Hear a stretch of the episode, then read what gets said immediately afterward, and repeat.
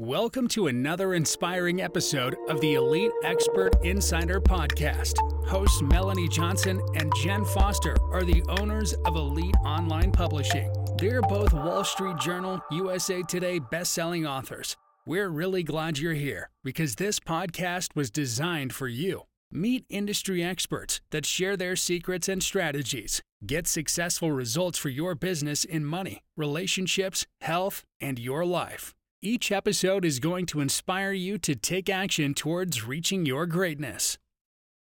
Hey, welcome to another great podcast. Thanks for joining us today. Remember to subscribe to our podcast and share it because we always have content that educates you, inspires you, and motivates you. And today we have a special treat. If you want to learn from somebody who's worked with Peter Jennings, Bill Gates, the former French president, former prime minister of Israel, we have that person today. His name is Jeffrey Van Dyk, and he is going to teach us not how to just advance your industry, your business, your career, but how to change the world with it and to really hone in on who that target market and who you want to serve. So if you're interested in that, then you are in the right place today. Jeffrey, thank you so much for joining us. Thanks, Melanie. I'm glad to be here. Well, tell us, Jeffrey, a little bit about yourself and how you got into the coaching and communication and all this space. I've been in the communication world my whole career, you know, helping people understand how to connect with one another, helping them build their message, and these days their brand story has always been just part of my DNA. I was at Microsoft and I, I, created speaker training systems at Microsoft. I helped get the web conferencing industry off the ground. And I went on a date with a guy that used a coach to build his business, and it fascinated me. I was in one of those crossroads where I knew I wasn't meant to stay at Microsoft anymore. I didn't know what was next. And he told me about this foundation of the business building. And the, it was a restaurateur, a very successful restaurateur in San Francisco. And his coach asked him, like, how are people going to feel in your restaurant? What kind of conversations will they have? If they leave and talk about their experience the next day, what might they say? And really built the emotional experience of the business first and then went into great now what's the price point what's the location what's the decor etc so really built the business from the inside out and mm-hmm. that's been the foundation of everything I've done ever since. I, I, started going to all my friends. Oh my gosh, I went on this date with this guy. He's this thing called a coach, and uh, you know, person after person, you should do that, Jeffrey. And maybe after a half a dozen, I was like, oh, maybe I should do that. So that's what kind of started me down this path. So you had talked about, you know, finding your target audience. I imagine the emotional journey is part of it. I love some of the questions that you just asked. I could see that the light bulbs went off and it was like a big aha moment for you with that, as well as us just hearing that. It's, you know, what are they feeling? What are they doing? Walk us through the process of how you find that target audience. Yeah. Well, I'll share just a little bit about how I got into this story after leaving and becoming a coach. At first, everybody that I studied with said, Oh, you're really good at this. You're going to have no problem. And I hung my shingle and it was crickets. And I really didn't know much about building a business at that time. Mm-hmm. Um, and I went to all the people who said, Oh, you need a niche. And they would say things like, well, find a profitable niche. And here's the top 10 most profitable niches. Or, you know, pick a niche, just pick one. And none of it felt right to me. So I'm like, no, no, no, no. I left Microsoft to follow a calling to do something that I felt I was called to do. And none of that intellectual only path worked for me. Mm-hmm. I then got a mentor, Tim Kelly, who is a real leader and expert in the life purpose discovery process. Mm-hmm. And studied with Tim, and he became my mentor. I ended up building a coaching company with him in Israel, speaking with him around the world and in that system, we basically help people connect to a type of guidance outside of their logical mind. You might call it your gut, your intuition. If you're spiritual, you could call it God or the universe, whatever it is, to ask these questions about who you are, why you're here, who you're meant to serve, and what you're meant to do in this world. Mm-hmm. The other piece we did in that work is help people reconcile their resistance to really stepping into their big work in the world right? Because it can be scary. Will I be successful? What's going to have to change in my relationships with people? Um, and so I did that for a number of years. Then I met a, a, woman named Suzanne Falter, who at the time was a real leader in the online platform building world. who knows you what are you known for you know this in the world of publishing what's your platform and we started working together and i i thought i was just going to help people find their purpose and then build their platform based on their purpose that was a bit too clunky but as we got into it we would develop a brand for somebody. And sometimes they'd freak out. They'd go oh oh wow. Uh, uh that could be a multi-million dollar brand. And it's a, yeah it can. And you could see them kind of quake. Like oh my gosh am i ready for that? So i started coaching people on their resistance to success resistance to having that kind of reach power in the world etc and over time suzanne would say oh i, I worked with so and so here's the market. Here's the market's craving. And i'd say well, well gosh i could have told you that. Like given who they are who they've been what their life story is their backstory is of course that's their market. Mm-hmm. And over time, I started to think, well, gosh, could we reverse engineer this? Start by looking at people's life history, their biggest challenges, uh, the wounds they've struggled with, and how that built them into who they are today to understand who they're built to serve. And that mm. really became the foundation of my work. So let me give you a quick quick example because I know it's yeah. like, wow, that's a really different way to approach this. Yeah, let's um, hear it. Uh, so one of the clients I worked with not long ago is a consultant in Silicon Valley, and he's really good at what he does. He has good inbound marketing, but not great outbound marketing because he's not differentiated in the market. So we do this process where I interview people about five of their most challenging life experiences from early, early childhood up till today. And I ask five questions based on each experience what happened, uh, well, that's the first one. But then, how did you feel? What did you crave? What did you do? What did you develop? And what beliefs did you adopt as a result? Each one of those has a marketing application. So, what did you feel, which is the pain, and what did you crave, which is the longing, relates to the away from and towards motivators of your ideal audience. Mm-hmm. What did you do and what skills did you adopt tells me about the unique skill set you bring to your audience that can help differentiate you what beliefs you adopted really tells me about the patterning that you developed in your life. So, all of us, when we have challenging experiences, especially early in life, we make up beliefs to make sense of them. Wounding experiences are things that don't make sense and they're painful and they create a vacuum of meaning that we have to fill. So, oh, this is happening to me because I'm fill in the blank. I'm unlovable, or I'm a failure, or I'm unworthy, or whatever the thing is. And then a big part of life is going out trying to prove that to be untrue, which is a lot of the motivation in the first half of life. So when I do that, I go, okay, well, what if your core audience has the same patterning?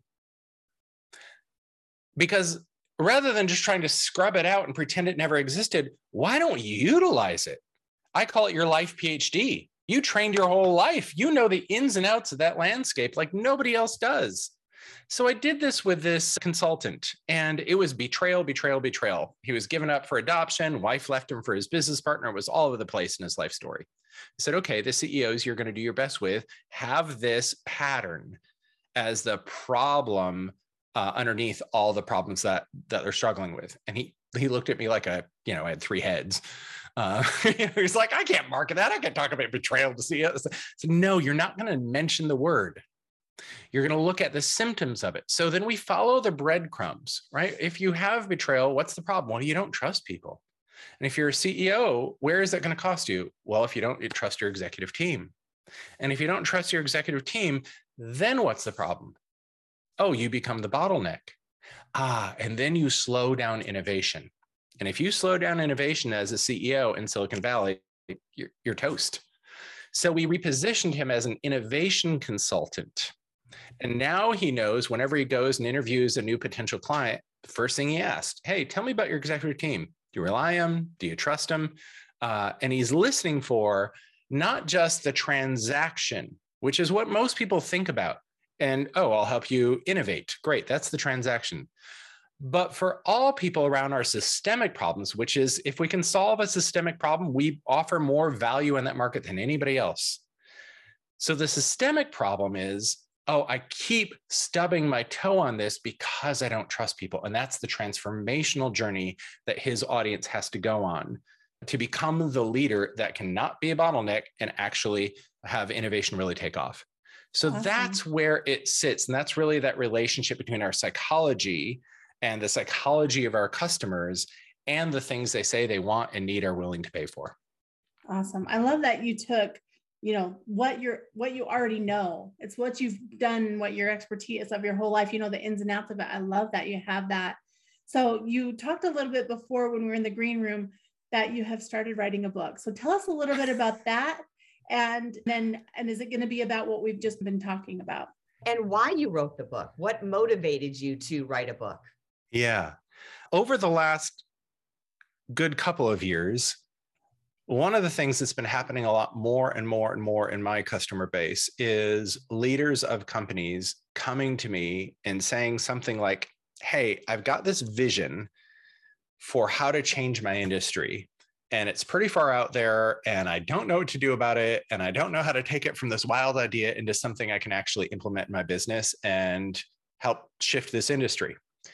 I'm writing the book because when people, when business leaders get a bigger calling, it's confusing. It's like, hey, I already built something, right? And I have I have customers, but even more than that, for a business owner, oftentimes I have employees. I have people that count on me. I have people that you know have a livelihood based on working for this company. So I can't just throw that away and go willy nilly follow my calling. What do I do with that?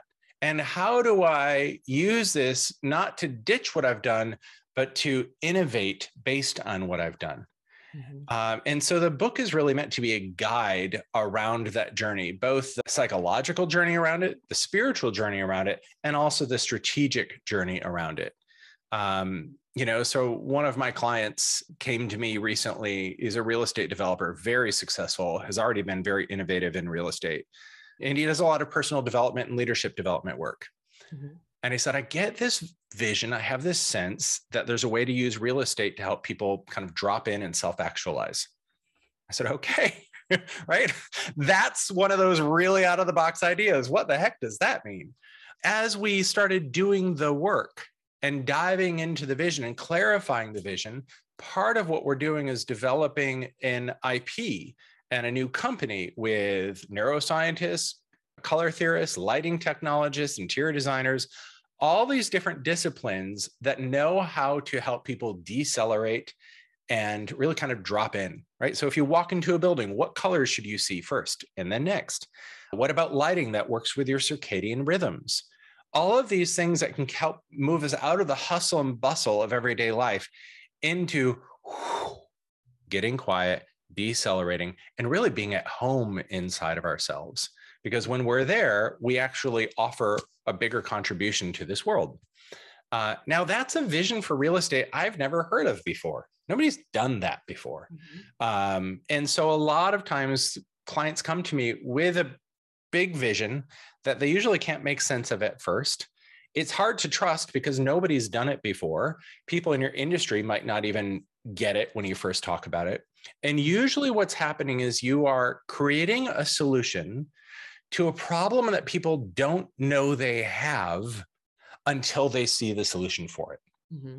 Right.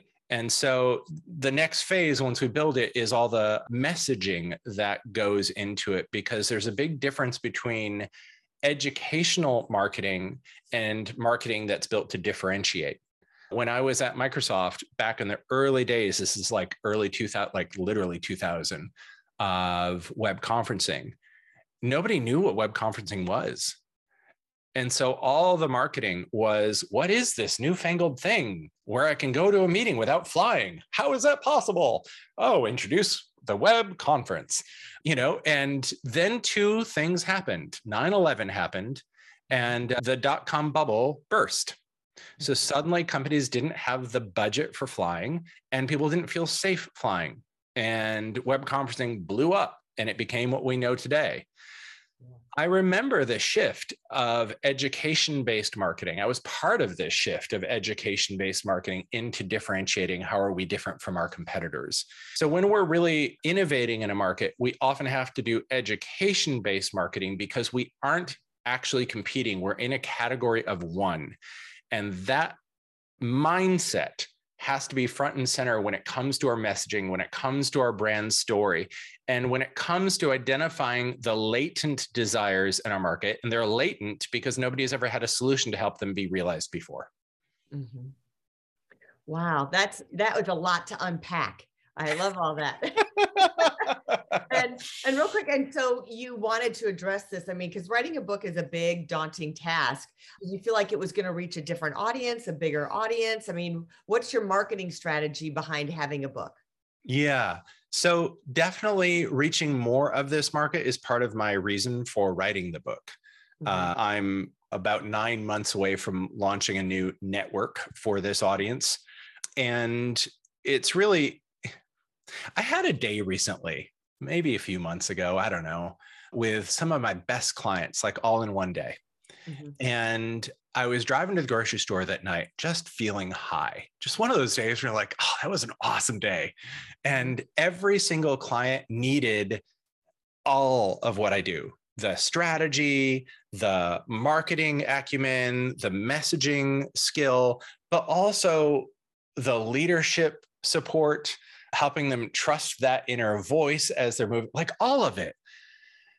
And it occurred to me that genius is relational. It requires our best people that are asking for the best of what we have, for the best of what we have to come out and play. Mm-hmm. Uh, and so, from a really like nutsy boltsy way, why am I writing the book? Well, to play with more awesome people you know and the strategy yes is to have a book that's positioned to be marketed in markets that some of which are new to me. Yeah. Mm-hmm. Well and i like how what i'd say the bulk of your book is going to be about which is tying in what you do with your passion and figuring out how to connect those because everything you've been talking about it is kind of hard to do that and you're going to attract those people who you like working with already yeah into this by by putting out this message so i love that. absolutely. Yeah. And you also talk about that one of the services that you do, I'm just kind of niche down into about having an ecosystem of strategic partners. How do you create that? What are the, the steps to get strategic partners that'll really help launch you? Yeah. The number one thing is to be clear about your shared mission. Mm-hmm. When you know what your mission is that your partners share with you, you're part of one team, maybe not part of the same company, mm-hmm. but you're part of the same team. And people want to see their mission grow. They want to see their mission be realized. So if you can tie your mission to theirs and say, hey, we're part of the same team, suddenly people want to partner. I was just on a podcast yesterday, and at the end, we go off air, and the podcast host said, you know, we're really expanding right now and looking to partner with more people. I'd like to schedule a follow up conversation based on what you said in the interview because I want to see the same thing happen in this world. Right. So, if there's one takeaway, it's get clear about your mission and how that mission ties into the bigger mission that your potential partners are up to. Mm-hmm. Lead with that, not with the details of what you're up to because people need to be bought into your mission emotionally mm-hmm. before they give a crap about it strategically. Uh, so do that first and then share, you know, and here's how I want to partner and, and what the opportunity is. And of course, make it a win win, ensure that there's an upside for them as much as there is for you. Yeah, I'm hearing that word a lot in this conversation emotion. So leading with emotion, making sure you have emotion in your marketing and your messaging. It's not well, logical all the time you know, one of those things we always say in marketing is people buy with emotion and justify with logic. And mm-hmm. it's true. And I do a lot of story coaching. I do a lot around brand story. And the reason I do story coaching is because story reaches into our brain in a way that logical conversation doesn't. When we tell a story, there's so many parts of the neocortex that light up that put somebody else in the same experiences you are having and have them empathize and relate to you. And once they empathize and relate to you, they choose you. And once they choose you, then you can sell to them, right? So it is emotional. I would even say mm, this goes even further down the rabbit hole but when you're doing this work around shared mission, when you're really telling the big story of what you're up to, people often have a physical response to it, not just emotional. Their mm. body goes, oh, right. And we know when we meet somebody, we go, oh, I, I just like them. There's something about them that I, I Mm-hmm. don't know. I just I trust them. That's a body sensation. That's not a thought. It's not even just an emotion. Uh, your physical body feels safe in their presence. Right now, in the certain leadership spaces, we're talking a lot about creating psychological safety in your team. Why? Because when their body feels safe, they can show up. And when they can show up, they can be innovative and they can collaborate and all the good things, right? So it is emotional, it's even biological and physical. Wow. Wow.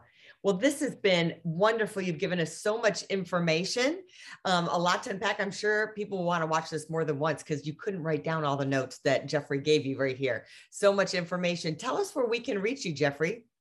The website is thecourageousmessenger.com. So everything is there. I've got a podcast as well. I'm also a singer, so I just released an EP called You Belong. So you can check that out on Spotify and Apple Music and all that good stuff. But everything's at thecourageousmessenger.com. Perfect. We'll put that up in the show notes as well as on the YouTube description. Beautiful. Thank you so much for having me. It's been a real delight to talk to you too. It's been great. Thanks for joining us. So remember to subscribe for our podcast. And if you're looking to write a book, if you need help with the writing, editing, or just the publishing and marketing, reach out to us at Elite Online Publishing. We guarantee all of our authors will become number one bestsellers. So just hit that submission button and we'll see if we're a good fit for each other. We'll talk to you soon. Stay motivated, inspired, and we'll talk to you next time. Bye bye. Bye. Hey, are you looking to increase your revenue, build credibility, and elevate your brand? This podcast is brought to you by Elite Online Publishing, an innovative publishing and full spectrum marketing company. They will publish and market your book to make it a number one bestseller. Becoming an author is the best way to market your business. So contact them at eliteonlinepublishing.com today. All of their authors become number one bestsellers.